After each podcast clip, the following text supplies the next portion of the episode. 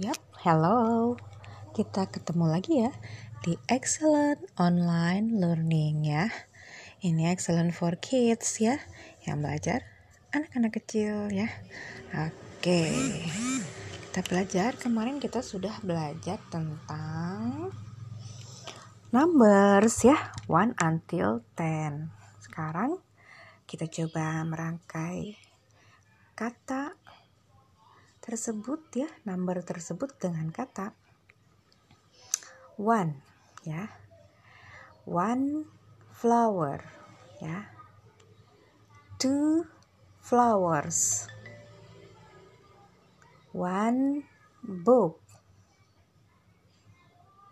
Three books.